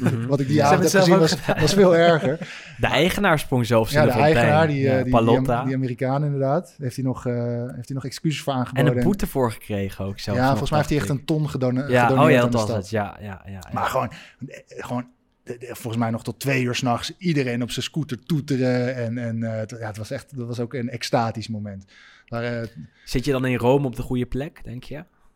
ja, weet ik niet. Ik bedoel, ik ben wat dat betreft een beetje... Ik heb in principe niet echt een voorkeur voor clubs in, eh, in Italië. Eh, wel teams die ik soms heel leuk vind. Eh, weet je, ik vond Inter van 2010 vond ik, vond ik heel charmant. En het, het, het Milan van daarvoor, toen Beckham er nog speelde, vond ik vet. En natuurlijk van daarvoor. Maar puur vanwege deze twee wedstrijden is, is Roma toch wel een beetje speciaal geworden. Want ja, ik weet niet, als, als een clubje zoveel, twee van dit soort geweldige ervaringen geeft. Ja, dat, dat, Ja, dat, dat daar blijf je voor altijd herinneren Ja. in principe, ja. Dus ja. jij hebt natuurlijk ook in Rome dan gezeten. Dat was een, jouw standplaats, zeg maar. Als correspondent ga je volgens mij ga je altijd naar de, naar de hoofdstad toe. Heel veel plassen. Ehm, maar is Rome dan inderdaad ook de, zeg maar, jouw favoriete stad waar je nu bent geweest in Italië? Of zijn er bijvoorbeeld, er wordt vaak gezegd bijvoorbeeld over Turijn dat het een onderschatte stad is. Of over andere steden dat inderdaad vaak mooier wordt gezegd dan het daadwerkelijk is. Ja, het is altijd een hele moeilijke wedstrijd hè, tussen al die Italiaanse steden. Ik, heb, ik vind Rome is buiten categorie, omdat er gewoon zoveel is van alles. En het is een hele grote stad en je hebt elke historische periode. eh, Kijk, ik heb daar 4,5 jaar gewoond. En ik was best wel samen met mijn vri- vriendin waren we actief in, in dat we de stad wilden ontdekken. Dus we gingen elk weekend gingen we wel, eh, nou weet ik wel, naar een kerk waar we nooit waren geweest of naar een museum eh, wa- wat we nog moesten ontdekken. Eh, en dat hebben we vier jaar volgehouden. En, en, en, en nog steeds in de laatste weekenden kwam ik soms een, een palazzo binnen, een oud stadspaleis van een of andere adellijke familie met een kunstcollectie aan de muur of, eh, of standbeelden in de galerij. Dat ik dacht, holy shit, wat is dit vet? Hoezo heb ik dit nog nooit gezien? Wat is dit mooi? En, en gewoon een stad die je dat kan bieden, dat je, dat je vier jaar lang gewoon van de ene verbazing in de andere rolt, die is, die is goud waard.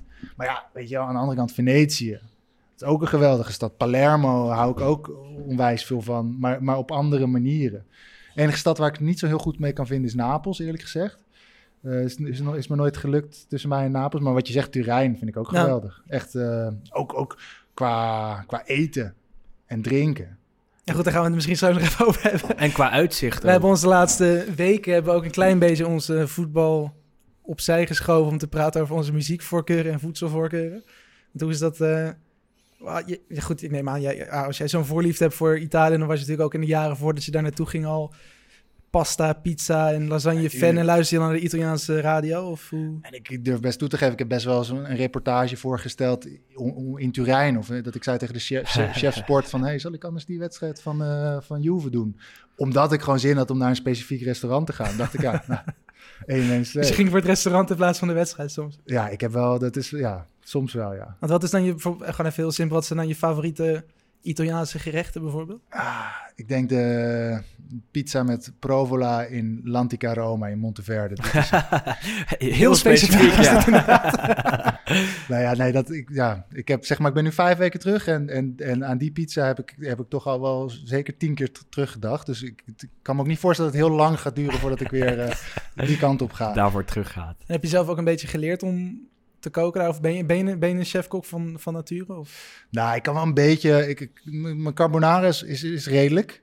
Ehm, Echt Romeins ook. Echt Ja. Romeins. Ja. Maar het is ook een beetje ontmoedigend. Want ik bedoel, Het Ik- valt toch altijd tegen Ja. als je het vergelijkt met iemand anders. weet je, je kan ook gewoon 9 of 8 euro betalen. Ja. En eet je een fantastische amatrici- amatriciana. En, en ja, zelf lukt me Ja. dat, kom ik nooit op dat niveau. heb je dus- toevallig ook zo'n soort lesje gedaan of, of een cursusje bij bijvoorbeeld bij, weet ik veel, bij een omaatje aan de straat kan met vouwen van de pastaatjes op straat? Of, of, of Nee, dat- ik heb heel veel praktijkervaring. Dus ik heb vooral heel veel geproefd. Denk, Ja. ik denk, ja, maar goed. Bologna, toch de stad van het, eh, van het koken ook, van het eten. Niet voor niets eh, de bijnaam, de dikke. de dikke, ja, Ja. klopt. Nee, nee, god, ja, dus en, en weet je wel, als journalist, ik, moet, ik ben heel vaak op pad en dan, dan, ja, dan, dan ben je dus niet thuis. Dan slaap je in hotels en dan ga je uit eten. En ik denk dat ik de afgelopen... Ja, dat klinkt een beetje snobberig hoor. Of, of opschepperig. Maar ik denk oprecht dat ik de afgelopen vier jaar... mm, gemiddeld zeker vier keer per week uit eten ben geweest. Heerlijk. In Italië. In ook. Italië, Dat is perfect. We zeiden het vorige week namelijk ook toen we het erover hadden. Dat waar je ook eet in Italië, bij een Italiaans restaurant, het altijd lekkerder is dan bij welke Italiaan dan ook in Nederland. Op een of andere manier. Dat zal ook vast door de experience komen of door, de, eh, do- door het moment dat je in Rome zit. Of wat je zegt in, in Bologna of, of weet ik veel waar.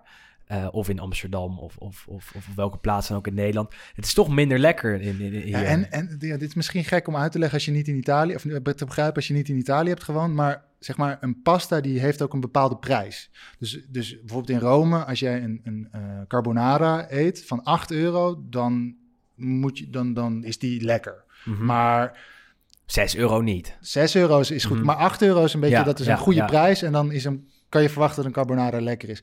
Als je vervolgens een carbonara van 10 euro, dan moet die echt heel speciaal zijn. En als je 12 euro betaalt, nou dan, dan, dan eet je hem bij wijze van spreken in een sterrenrestaurant. Ja. Dan moet er wel echt iets heel speciaals mee gedaan zijn op zo'n perfecte manier dat hij die 12 euro waard is. En als ik hier in Nederland naar een, een restaurant ga en ik bestel een carbonara, 18 euro. dan kan die best Dat is wel, dan kan die best wel op dat niveau van 8 Ja, euro zitten. ja. Maar ik, ik, ik, ik, ik word dan zo zagrijnig die van die prijzen, 18 die euro. prijzen Ja, inderdaad wel belachelijk ja. als je dat vergelijkt. Ook gewoon een pizza hier in Amsterdam, 15, 16 euro voor een margarita of Precies. En dat dan kan mag je niet zeggen. hè? Jij hebt laatst een gratis pizza gekregen dat is- voor een dat tweetje. is, een beetje reclame. ja, precies. Nee, en dan kan die pizza best wel lekker zijn, maar het, het, het heeft heel erg met de prijs te maken. Dat, dat maakt uit eten gaan in Italië ook extra leuk, omdat het gewoon zo, het is, het is, je kan het heel terloops doen. En je hebt de full experience voor, voor best wel weinig, waar je in Nederland eh, dat niet zo snel hebt. Dan ben je toch al 80 euro per persoon kwijt. Terwijl als je dat in Italië voor 30 euro per persoon doet, nou ja, dan ben je al rond. Dan heb Zeker. je eh, minimaal een hoofdgerecht en een, en een nagerecht en een koffie en, en misschien zelfs ook nog een voor. En, en dus het geweldige van Italië. Maar de- ja, goed, misschien is dat een goed advies voor stadionhoppers die richting Italië gaan. Maar eet ook echt gewoon lokale gerechten. Want ik heb daar zo van genoten de afgelopen jaren om gewoon overal waar je komt, gewoon de lokale pasta te eten. Of de lokale eh, wijn erbij te drinken. Dat, is, dat geeft, weet je, dan heb je een leuke wedstrijd gezien. Als je dan s'avonds ook nog het lokale gerecht gaat eten, dan wordt, het, dan, wordt het, dan wordt de ervaring zoveel leuker van. Vind ik althans. Mhm. Ben je naar veel stadions geweest? Eh, jawel, wel een paar. Wel, wel, ik, ik weet niet de precieze lijst, heb Mhm. ik niet in mijn hoofd zitten. Lelijke bakken ook wel? Of, of eh, wel elke keer genoten? Ja, ik ben ook in Benevento geweest bijvoorbeeld. Ja. Dat is wel een vrij lelijke bak. Overigens was dat ook een geweldige wedstrijd hoor. Maar, Welke eh, was het dan? eh, tegen eh, Sampdoria uit mijn hoofd. Maar dat was ook, want toen wilde ik, daar wilde ik heen gaan. Die staat denk ik ook in mijn top drie van, Ja. van beste wedstrijden waar ik geweest ben. Omdat ik wilde daarheen om een verhaal te schrijven over Benevento, de allerslechtste club ooit Ja, sinds ja, ja, ja. volgens mij 1926 in heel Europa. Eerste 14 wedstrijden niet gewonnen. Tenminste nul punten gehaald Precies. volgens mij. Weet je, ze- waren per ongeluk uit de Serie C ge- gepromoveerd naar de B. En toen, eh, via een of andere goddelijke ingeving, waren ze opeens in de Serie A terechtgekomen. Dus ze hadden gewoon, ze hadden er helemaal niks te zoeken. Ik weet niet hoe het dit seizoen is. Of ze, of ze het nu iets, beter wel. Ja, ze waren vorig jaar wel echt heel goed in de Serie B. Nou ja, precies. Dus dan hebben ze dat. Maar toen was het echt verschrikkelijk. Dus ze hebben inderdaad de eerste 14 wedstrijden verloren ze. Eh, dus ik ging daarheen om een, om een verhaal te schrijven over nou, het feit dat ze altijd verloren. Alleen, alleen vlak voor rust scoorden ze opeens 1-0. Dus ik zat al in de rust van, ja shit, daar gaat mijn verhaal. Wat moet ik nou doen? Wat moet ik nou doen? Alleen op een gegeven moment, of, of toen werd het gelijk of zo. En toen dacht ik, oh, nou, misschien, misschien komt het toch nog goed. Maar toen scoorden ze de, de, de, de 2-1 en uiteindelijk de, de 3-1. En nou, ik heb, ik heb, dat was ook weer gewoon, ik weet, weet je, ik weet die goals niet eens. Ik weet niet meer wie hebben gescoord, maar gewoon alle mensen om, weet je, Benevento, dat is een stad. Ja, daar is volgens mij sinds. eh, Daar gebeurt niks, toch? sinds ik ben er ook één keer geweest. Dat, dat is echt een piepklein dorpje joh, praktisch. Er wonen 30.000 mensen, Ja. geloof ik, en 20.000 zaten in dat stadion. En volgens mij is er, is er sinds 1348 nooit meer een buitenlander geweest. Dus ik liep daar ook rond met mijn vriendin. En kwam zo'n oud manneke naar ons toe en die vroeg... Ben, ben jij de nieuwe spits van uh, Benevento? en je dacht, ja, wat moet zo'n vent hier anders, weet je wel? Ja. Dus het was echt gewoon alsof er, alsof er een soort tijd... Weet je, ik had heel erg het gevoel alsof ik naar een wedstrijd was in... zo- Zo'n zwart-wit beeld in 1950, weet je. En vooral toen ze wonnen werd dat helemaal bevestigd. Omdat het was ook zo'n betonnen bak zonder stoeltjes. Dus, en dan had je gewoon de brandweermannen die aan de zijkant Ja, van het ja. veld stonden. Die pakten zo hun helm en die gooiden ze zo in de lucht, weet je wel. Het was gewoon zo'n een hele kneuterige ouderwetse euforie. Die, eh, ja, die was geweldig. Dat is zo schitterend. Zo'n klein dorpje in Zuid-Italië, waar dan opeens de Serie A's eh, langskomt. komt. Opeens En, wonnen ze. Dus, ja. dus, uh, uiteindelijk achteraf was ik wel blij dat ik dan net bij die winstpartij uh, aanwezig was. Dat ook wel uniek inderdaad. Volgens mij de eerste overwinning ooit inderdaad van Benevento in, in, in de Serie ja, A. Ja, denk het ook. Het eerste punt hebben we vorige week nog besproken, was tegen Milan. Ja. Toen scoorde de keeper in de 95 Ja, dat was ook minuten een 2-2. Daar was ook daar was, uh, Joris van der Wier van Staantribune was erbij. Die ging naar uh, Benevento als, ja, ze winnen nooit. Ze hebben een mooie bijnaam, de heksen. Dus we gaan even kijken wat er daar gebeurt. En dan ben je opeens bij het eerste punt tegen Milan als een keeper scoort. Geweldig. Ja, mooier, mooier kan ik had daar ook bijvoorbeeld de, de per... Ik, ik dacht, ik, weet je ook, ik bel gewoon de persafdeling om te vragen of ik op de perstribune kan zitten. Maar ze, hebben, ze hadden daar niet helemaal geen persafdeling. Dus ik heb daar ook, dus ik heb volgens mij iets van twintig keer naar de, naar de club gebeld. En één keer kreeg ik iemand aan de lijn, het bleek de conciërge te zijn. En die zei van, ja, misschien is er over een half uur iemand uh, aanwezig. En dan was er ook niemand. Dus ze hadden, weet je, het was gewoon, het, het was ze totaal boven het hoofd gegroeid dat opeens uh, Buffon en Chiellini ja, en wereldsterren langskwamen en Zeko in hun kleine nietszeggende stadion stond. Maar dat, dat, ja, zo dat, dat was wel dat was een, een, een lelijk stadion, maar wel karakteristiek. Stadio Olimpico is ook lelijk. Heel, ja, de Sintelbaan ja. maakt het heel erg lelijk. San Siro ook een aantal keer geweest, toch? San Siro vaak geweest. Uh, Juve wel heel mooi geworden. Ja. En Bologna heeft ook een speciaal plekje ja, in mijn hart. Ja, met die mooie, ja, die, ja, of die mooie, die, die fascistische toren inderdaad, die, die het stadion toch heel uniek maakt. Ook een Sintelbaan geloof ja, ik. ook een Sintelbaan en, en ook een, wat je zegt bij Benevento kan bij Bologna ook wel een beetje opgaan. Een stadionspeaker die door oude gammelige speakers komt en inderdaad die toren en de, de stoeltjes die allemaal rood en blauw gekleurd zijn, maar waar de verf van afbrokkelt, dus dan ga je zitten en dan regent het en dan denk je, wat doe ik hier eigenlijk? Maar dat is wel altijd mooi om, om er te zijn. Dat is natuurlijk ook wel een beetje de charme van Italië, dat het gewoon een, een, een topcompetitie ambieert te zijn, zeg maar. Alleen dat heel veel van die plekken, ook gewoon inderdaad bij topclubs als een Milan en een Inter en een Rome en een Lazio, waar de stadions echt van ellende bijna uit elkaar vallen. Ja, het, het, enige, ja, het fatsoenlijke stadion waar ik ben geweest is uiteindelijk uh, Juve. Ja, ja, en het enige echt verbouwde stadion. Ja, van Udinese, Udinese inmiddels ook wel. Uh, van Sassuolo is ook wel redelijk modern, maar voor de rest is En allemaal... Atalanta heeft een nieuwe, ja, toch? Ja, ja die zijn deels het, uh... gefaseerd aan het vernieuwen.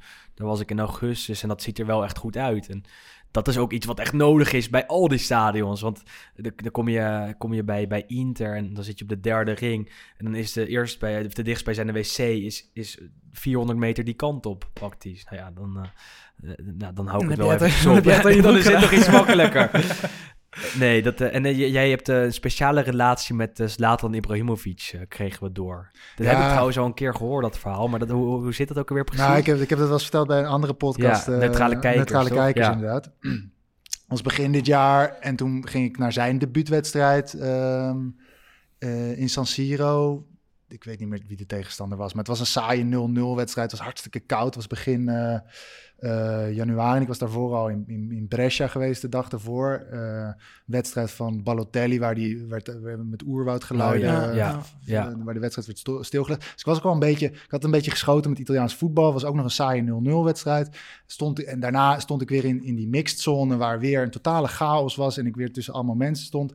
En uiteindelijk had Slatan ook geen zin om, uh, om, om met me te praten. Of, of de, de persvoorlichter die zei van nee, geen tijd meer. Mhm. Alleen toen vloepte ik er toch een, een, vraag uit. En die was in principe niet heel... Het was niet een goede vraag, want hij nodigt niet echt uit tot, tot Nee. antwoord geven. Ik zei iets Noors, van ja, ja. ben, ben je hier nou gekomen? Want hij, hij, hij zat tegen die, de Chinezen die die handtekening aan het geven was, zat hij op te scheppen van ja, ik ben een soort, uh, ik ben hier gekomen als een god en ik ga iedereen Ja, laten ja. ja. Ja, met het gebruikelijke verhaal. Ja. En, en dit was wel voordat hij nu weer toch wel weer vrij indrukwekkend Toch wel bezig is. is, ja. Precies. Eh, dus ik dacht, ja, ik vloepte eruit van ja, ben je hier nou gekomen om alleen maar grappige, alleen van dit soort grappen te maken of om, om goals te In scoren? het Italiaans of in Nederlands? Nee, in het Engels, want hij ja. was eh, Engels aan het praten.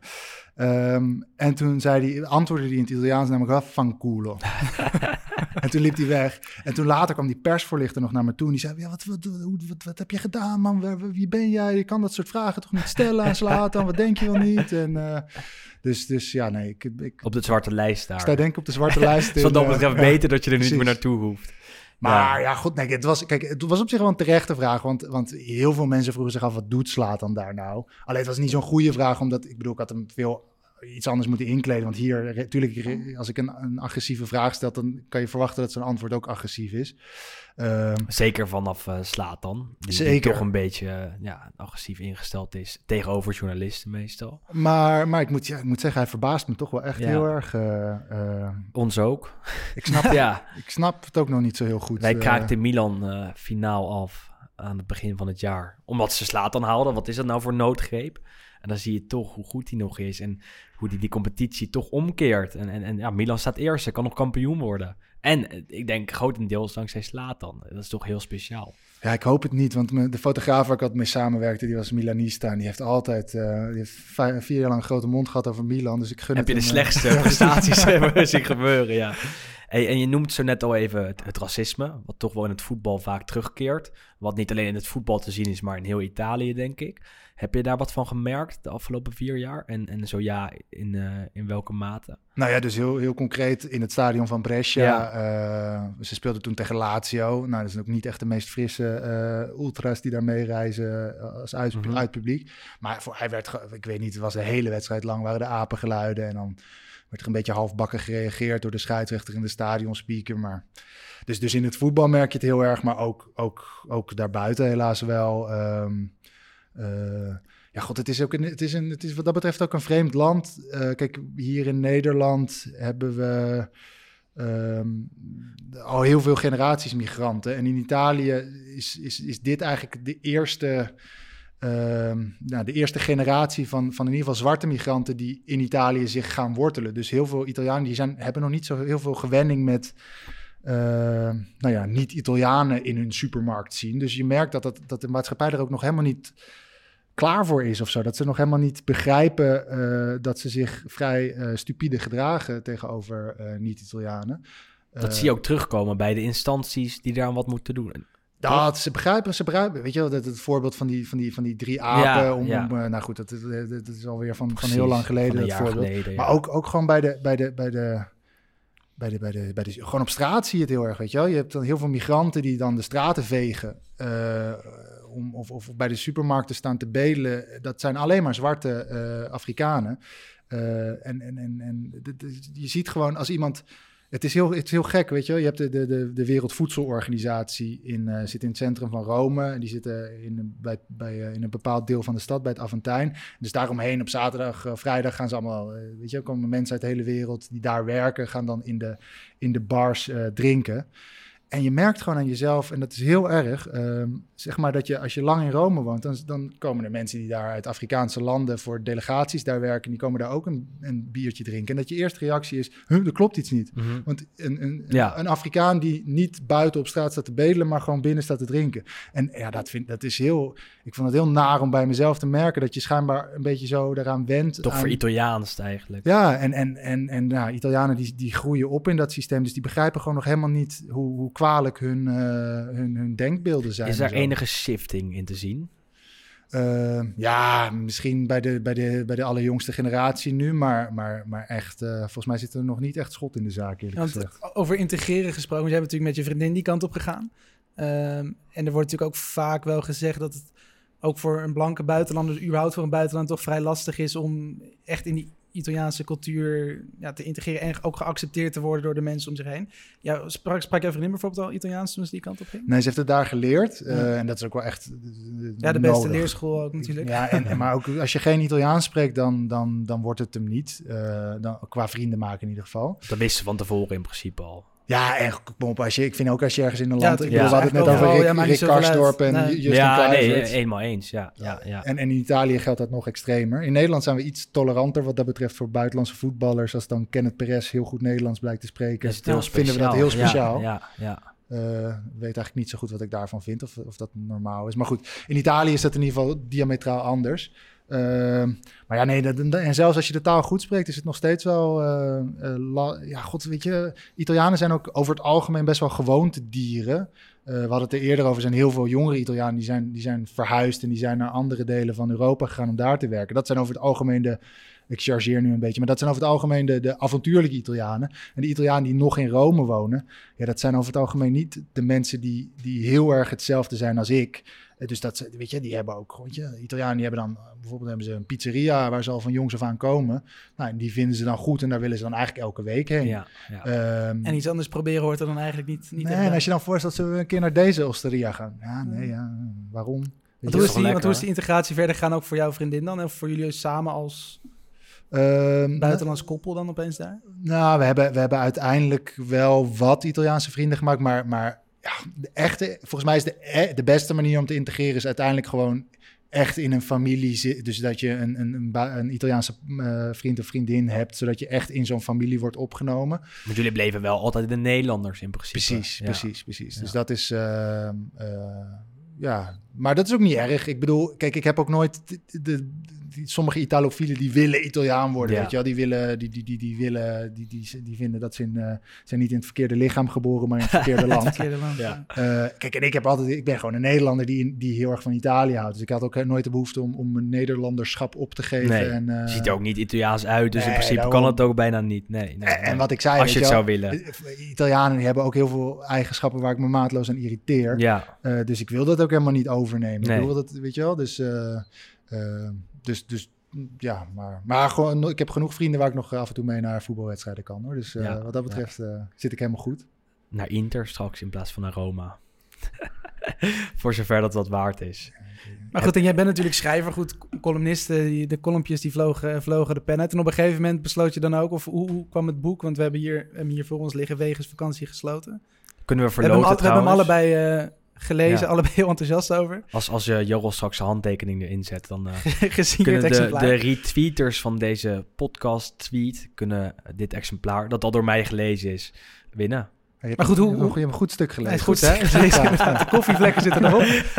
Nee, maar hoe, hoe, hoe kwam dit, zeg maar, tot, Tot stand? tot stand? Eh, nou ja, kijk, ook, ook, ja, god, eh, weet je, je, je- ik schrijf- mijn beroep is schrijven, dus dan is ook, eh, nou ja, goed, uiteindelijk een boek schrijven is natuurlijk wel, dat is tof. En ik, en ik had heel erg het idee van, weet je, eh, ik maak nu al deze avonturen mee samen met mijn vriendin. En mijn vriendin komt ook vaak voor in, in kolompjes die ik heb geschreven, et cetera. Dus ik dacht, eh, ik, ik stel dat we ooit kinderen krijgen of dat ik over twintig jaar wil terugkijken op, op, op Italië. Dan lijkt het me ook leuk dat zij kunnen lezen wat voor avonturen eh, wij vroeger hebben meegemaakt. En, en ja, weet je wat, wa- hoe je het went of verkeerd, Italië is gewoon een, een land wat me in principe al, al mijn hele leven fascineert. Eh, Genoeg over te schrijven ook. Precies, Je zou dus nog zo'n boek kunnen schrijven. en ik heb veel avonturen meegemaakt en ik vind het leuk om, om, om, daar, om, om daarover te schrijven. Dus ik dacht, dan ga ik proberen een boek te schrijven. En uh, nou, zodoende. En wat goed, je hebt natuurlijk ook vooral over, over fenomenen en, en dingen die je hebt meegemaakt. Wat is nou een van de, zeg maar, een van de fenomenen of een van de rituelen of gewoontes in Italië die je gewoon eigenlijk niet uit kunt leggen aan een Nederlander of niet uit kunt leggen aan iemand die niet in Italië is eh, is geweest? Of, of, Ehm, ja, er zijn er heel veel natuurlijk. Je hebt Eh, bijvoorbeeld natuurlijk dat, die, idiotie dat je natuurlijk als je hebt geluncht aan het strand, dat je dan heel lang niet het water in mag. Terwijl wij als, Ja. als Nederlands liggen we twintig minuten later liggen we weer op een, lucht, eh, op een luchtbedje. Ja, er zijn een paar ziektes die, die alleen maar toeslaan binnen een bepaalde lengte- en breedtegraad. Namelijk precies die waar Italië ligt. Dus inderdaad, als je gegeten hebt, eh, dan moet je precies drie uur wachten voordat je het water ingaat. Eh, dus ik heb mensen gezien die hebben een stopwatch gezet, weet je wel. Nee, nog twee minuten wachten, weet je wel. Maar ook, maar het zijn, er zijn heel veel dingen, weet je wel. Ook, ook veel charmante dingen. Ehm, wat ik heel leuk vind aan... Bijvoorbeeld, Ita- Italianen gaan nooit een restaurant in als niet de hele groep al gearriveerd is. Dus je ziet gewoon s'avonds in Rome, zie je altijd voor restaurants zie je hele grote groepen staan. En pas als de laatste er is, wat in Italië vrij lang kan duren, omdat iedereen al te laat komt, eh, gaat iedereen pas naar binnen.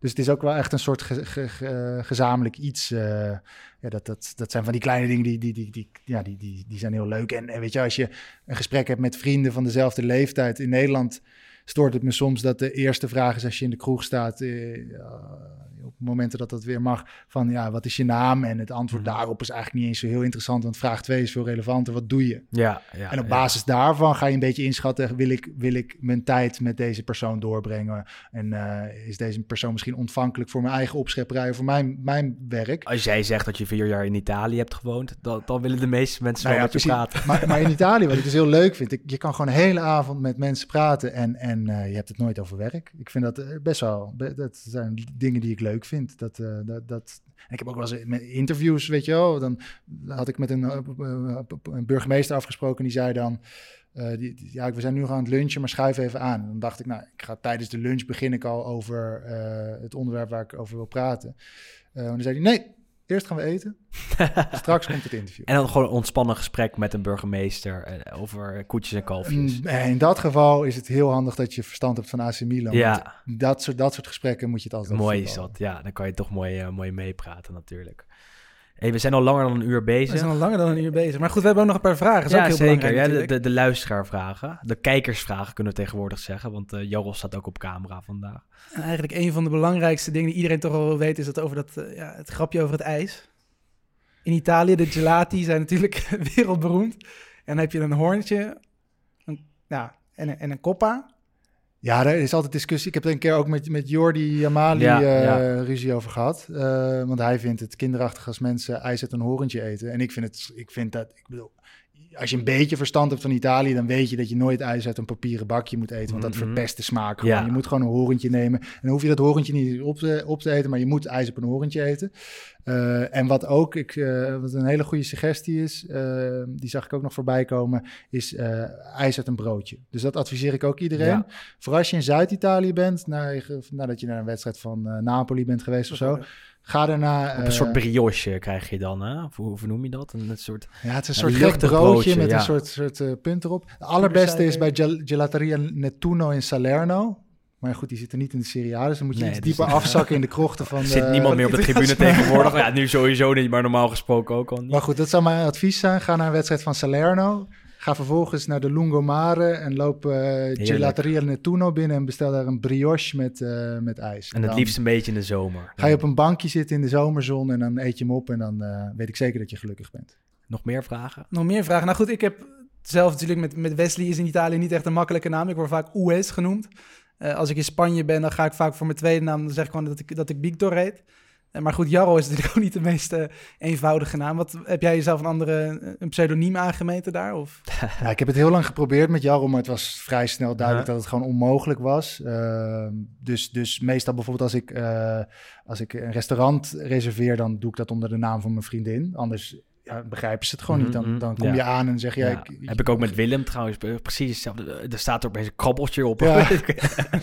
Ehm, en ja, en, en ik heb één, het is een één naam die komt soms terug, want ik stelde hem een keer voor aan de, aan de, de oma van een goede vriend van mij. Dus ik, hallo, eh, Jarro, aangenaam. En toen zei ze, oh, wat leuk, ik heb ook een vriend, die, eh, of eh, ook een neefje, dat eh, Dario heet. Ah, ja, dat Ah, is een nou, goeie. Ja. Toen dacht ik, oké, ik, ik weet niet hoe je...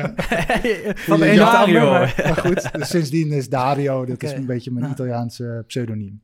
Goeie, eh, goed pseudoniem wel. Nou goed, jij kan ook. natuurlijk ook gewoon voor Guglielmo gaan. Gewoon een beetje de vertaling. Ik ga, ik ga steeds zoeken. vaker voor Guglielmo, maar heel soms als ik dan naar, naar een restaurant bel voor een reservering, dan zeg ik eh, Willem Haak, ja, Nome Hollandese. Nou ja, dan is het op zich al, en dan zetten ze gewoon iets neer en dan weten ze wel op het moment dat ik daar aankom lopen met, met wie ik ook dan ben, ja, dan, dan Ja, dan komt het zeg wel goed. quel nome difficile. Ja, ja, precies. Ja, hoppen, ja, precies. Ik kan meestal nog wel ver- ver- verwijzen naar Snijder natuurlijk. Er Ja. zijn natuurlijk niet Ah, echt heel ja. veel, Wesley, heel veel, heel veel Wesley. Willems in, eh, in Italië. Als je naar Milaan gaat, maar je gaat dan naar Turijn, dus Ja, eh, dat is ook weer waar. ja, ja, ja. Jari Liedman. Jari Liedman, Ja, Liedman, ja, dat precies, kunnen, dat, dat zou nog kunnen. Heeft niet in Italië gespeeld, maar ze kennen hem daar nog vast en zeker. Eh, nog meer vragen? Of, We hadden of, nog eh, eentje ook van de, van de mensen van Ciao Tutti. Van wat zijn nou echt dingen waarvan je ook blij bent dat je er eigenlijk nu je weer terug bent en niet meer mee te maken hebt? Ehm, jeetje. Misschien echt maatschappelijke dingen of ook gewoon kleine dingen. Ja. Ehm, te laat komen? Nou, dat bijvoorbeeld. Ik weet nog, mijn mijn allereerste verjaardag die ik in Italië vierde, toen was ik net in, eh, in, eh, in Bologna aan het studeren. En toen had ik gewoon, dacht ik ga met wat vrienden afspreken. En toen heb ik gewoon op mijn verjaardag heb ik een uur moeten wachten totdat iedereen eindelijk arriveert. En dacht ik, oh, een stelletje eikels. Het is weer bijna voorbij. Kutland. ja. Dus eh, nee, dat ga ik niet missen. Ehm, Ja, nee, maar goed. eh, Ja, de- weet je wat het is? Ik hoef ook allemaal niks te missen. Want, want Italië is vlakbij en over een tijdje... Ja, goed, je bent er zo. Ja. Over een tijdje geeft Rutte weer een persconferentie dat alles is toegestaan. En dan mogen we weer de, de trein of het vliegtuig pakken naar Rome. En dan ga ik weer... Eerste eh, vliegtuig naar Rome. Precies, die pizza met provola eten bij Ja, Rome. Want goed, mis je het sowieso. Je bent nu natuurlijk terug. Je, je correspondentschap, zeg maar, zit erop. Hoe... Goed, je kijkt positief terug, neem ik aan. Ook gewoon op alles wat je hebt kunnen, hebt kunnen maken daar. En vind je het niet jammer dat het niet nog langer had... Had het ver nog langer mogen duren, zeg maar? Of Eh, was het ook wel goed, zeg maar, die periode van vier jaar... en is het nu gewoon tijd voor iets anders? Iets Nou ja, puur voor lezers vind ik, kijk, maar dat is een beetje een technisch verhaal. Puur voor de lezers vind ik het, vind ik het goed om, om na vier, vijf, zes jaar weg te gaan. Eh, ik zei het net tegen, tegen Willem toen we even koffie, eh, toen hij koffie voor me inschonk. Nederlandse koffie. Nederlandse koffie, eh, die ik overigens dan weer niet heb gemist. Dat mis ik trouwens ook wel, de koffie. Maar goed, ehm, eh, ik was afgelopen november in Venetië omdat daar hoogwater was. Dus de hele stad stond onder water. En dan denk je, ja, wow, hoe vet is het dat je voor je werk naar de mooiste stad ter wereld mag. En daar met Lieslaars over het San Marco-plein mag lopen om te kijken, met, met de burgemeester praten. Dat is natuurlijk gewoon tof. Eh, alleen mijn eerste reactie was wel, ja, shit, ik heb vorig jaar ook al zo'n soort verhaal over hoogwater in Venetië gemaakt. Uiteindelijk heb ik het wel gedaan en dan werd het, werd het oké. maar ik denk als je, als, je, als je lang in een land zit en je krijgt te vaak van dat soort herinneringen, dan, ehm, ja, dan, dan wordt het tijd om, om door te gaan. En, eh, nou Het is ja, ook wel de reden dat correspondenten vaak wisselen, toch? Ja. Na, na vijf jaar Ja. ongeveer. En ja, goed, en ik weet niet, volgens mij heb je dat in de sportwereld, heb je nu niet zoveel veel correspondenten meer. Maar ja, weet je, je ziet het ook bij al die oudere sportverslaggevers. Ja, op een gegeven moment word ik gewoon helemaal scheidsziek van dat ze weer beginnen over, ja, maar in 1974 was het zus en zus en zo. Dus, ja, het maakt me niet zoveel uit, want ik, lees, nu- ik kijk nu naar deze eh, eh, voetbalwedstrijd. Ik, kijk, ik wil nu deze analyse horen en ik ben nu mee goed bezig. Mee te nemen, maar niet, niet het hoofdonderwerp van, Nee. van, van, van, de discussie. En dat hebben lezers ook. Ze lezen nu in 2020 de krant, dus ze willen nu weten En wat niet er... dat het in 1980 hoog, hoogwa- hoogwater was. In Precies, Venetië. of dat ik daar al vier jaar geleden ben geweest en dat ik het daarom nu niet zo relevant Ja, vind. nee, Het ja, is- dat, dat, dat interesseert niemand iets in principe. toch? Nee, nee, nee. Wat Maar, alleen mijn moeder weet nog dat ik vier jaar geleden in, Ja, eh, in precies, Napels ben geweest. Voor de rest iedereen te lang nee, weer vergeten. precies, precies. Jarrel, dankjewel dat je er was. Dankjewel voor je tijd. Eh, eh, mooi een uur over Italië, Italiaans voetbal en over je ervaringen daar eh, gesproken. Eh, voor de luisteraars hebben we altijd een, een serietje dienstmededelingen aan het eind van de podcast. Recenseer ons alsjeblieft op iTunes met vier of vijf sterren. Laat daar een reactie achter. Dat vinden we leuk om te lezen. Afgelopen tijd best wel wat leuke dingetjes ontvangen. En die, ja, dat doet ons goed. Eh, verder eh, kan, je deze, eh, kan je het boek van Jarl win, winnen. Zo, hè, na een anderhalf uur kom je er iets moeilijker uit. Ehm, dat kan je doen door de tweet waarin wij deze podcast aankondigen te retweeten. Op Instagram kan je ook de post liken en dan, dan loten wij uiteindelijk wie het boek wint. En hij is gesigneerd, dus eh, je hebt een bijzonder exemplaar. En door mij gelezen, dus een- hij is niet meer helemaal nieuw. Heel dus dat, bijzonder. Dat moet je ook wel zeggen, extra bijzonder. En nu heeft Wes hem ook aangeraakt, Ja, dus wat dat waar. betreft. Ehm, en nog even wat voor de sponsoren natuurlijk, want eh, ja, deze aflevering komt op vrijdag uit. En dan is het lekker weekend. En in het weekend moet je de was ophangen, moet je met je stofzuigen. En er is maar één soort box die daar bovenuit komt. Dat is namelijk de soundbar van Sonos. Ja, dat is gewoon hartstikke goede geluidskwaliteit. En ja, persoonlijk luister ik hem altijd op die soundbar. En eh, ja, om even te checken op wat foutjes, om de mooie verhalen van Jarl nog een keer eh, terug te luisteren, gebruik ik, gebruik ik die soundbar. En, eh, Welk liedje moeten ze dan ook nog gaan Ja, draaien erop? Wat is Italiaans jouw nummertje. lievelingsnummer? Eh, Estate van Giovanotti. nou, dat hier, vind ik een dan hele wordt mooie. dat hem. Dat is een mooie afsluiter. Hele goeie. Bedankt voor het luisteren en eh, tot volgende week. Tot de volgende.